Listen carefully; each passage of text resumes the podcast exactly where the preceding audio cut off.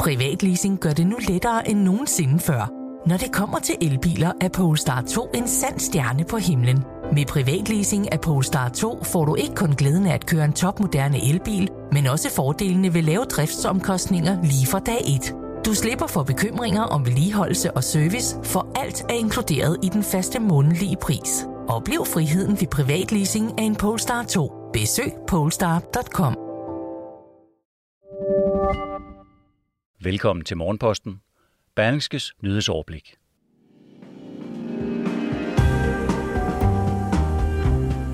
Danskerne store investerer i aktier, og det er især coronapandemien og negative renter, der er årsagen.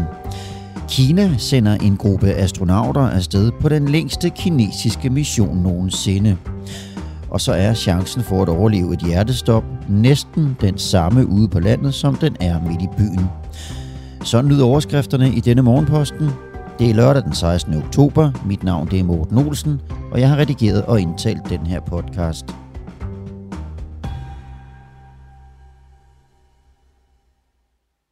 Det er ikke rart at komme hjem til en hoveddør, der er brudt op, eller et vindue, der er smadret, eller et hjem, der er indevendt.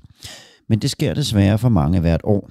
Og bor du i Nordsjælland, ja, så er risikoen for ubudne gæster større end alle andre steder i landet. Det skriver Berlingske. Samtidig er sandsynligheden for, at tyven slipper ustraffet afsted med sit bytte stor.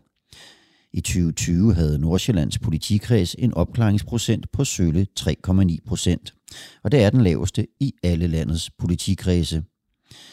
De mange uopklarede indbrud får frustrerede nordsjællandske borgmestre til at sukke dybt. Hos Nordsjællands politi forsikrer politiinspektør Svend Follager dog om, at indbrudssagerne bliver prioriteret. Et hjertestop er en alvorlig sag, der kræver hurtig handling, men modsat hvad mange måske tror, så er din chance for at overleve et hjertestop stort set den samme, lige meget om du falder om langt ud på landet eller midt inde i en tæt befolket by med et supersygehus i baghaven. Det viser nye tal fra Dansk Hjertestopregister, der for første gang har undersøgt overlevelsen efter hjertestop i henholdsvis tæt og tyndt befolkede områder. Det skriver Jyllandsposten. Ifølge forskeren bag projektet, der hedder Christian Bundgaard Ringgren, så er den mest sandsynlige forklaring på det, at danskerne er fantastisk gode til at træde til med livreddende førstehjælp. Hos Hjerteforeningen glæder man sig over, at der er flere frivillige, som træder til.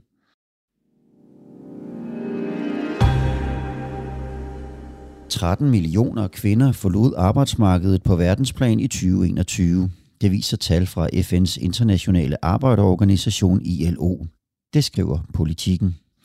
Et af de lande, hvor tendensen er meget tydelig, er i USA.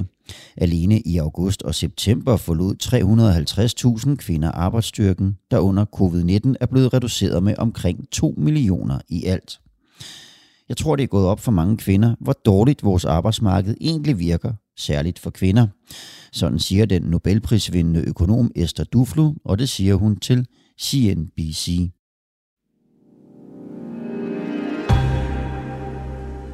Fredag sendte Kina tre astronauter afsted på en rumrejse, der efter planen bliver landets længste bemandede mission nogensinde. Det oplyser det statslige nyhedsbureau Xinhua. De tre astronauter skal være på den nye kinesiske rumstation Tiangong i et halvt år for at sætte forskelligt udstyr op. Rumstationen skal efter planen tages i brug næste år og kunne operere i mindst 10 år. Kina har på det seneste investeret stort i rumprojekter – det har blandt andet resulteret i, at landet har sendt et køretøj til Mars. De kinesiske rumambitioner er blandt andet udløst af, at USA har forbudt kinesiske astronauter på den internationale rumstation ISS. ISS er et samarbejde mellem USA, Rusland, Kanada, Europa og Japan.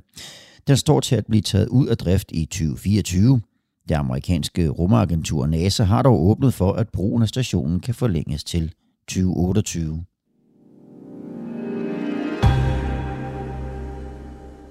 Britiske parlamentarikers sikkerhed skal nu undersøges, skriver BBC. Det sker efter drabet på den konservative politiker David Ames i går. Det indebærer, at alle politistyrker skal gennemgå deres sikkerhedsprocedurer. En 25-årig mand er anholdt for drabet, der fandt sted under et vælgermøde i en kirke og både Scotland Yard og efterretningstjenesten MI5 er sat på sagen. De skal blandt andet være med til at undersøge, om drabet skal betragtes som en terrorsag.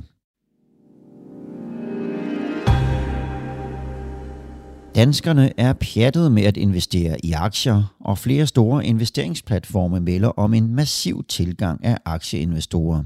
Det skriver Berlingske Business.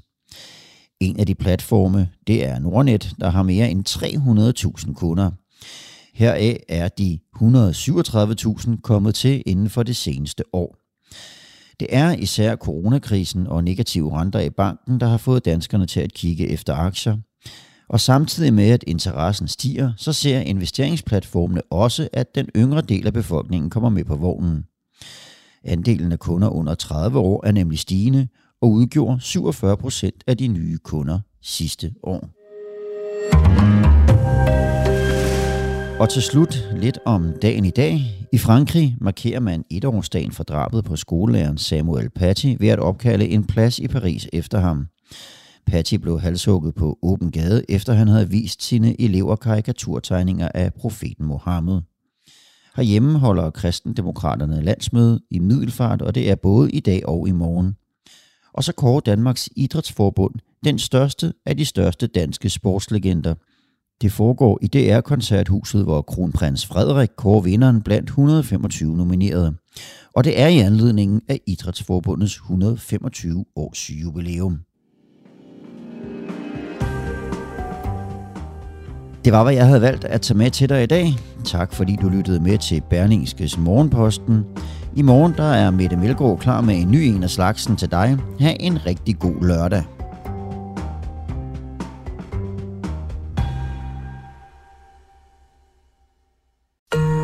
Podcasten er sponsoreret af EGN.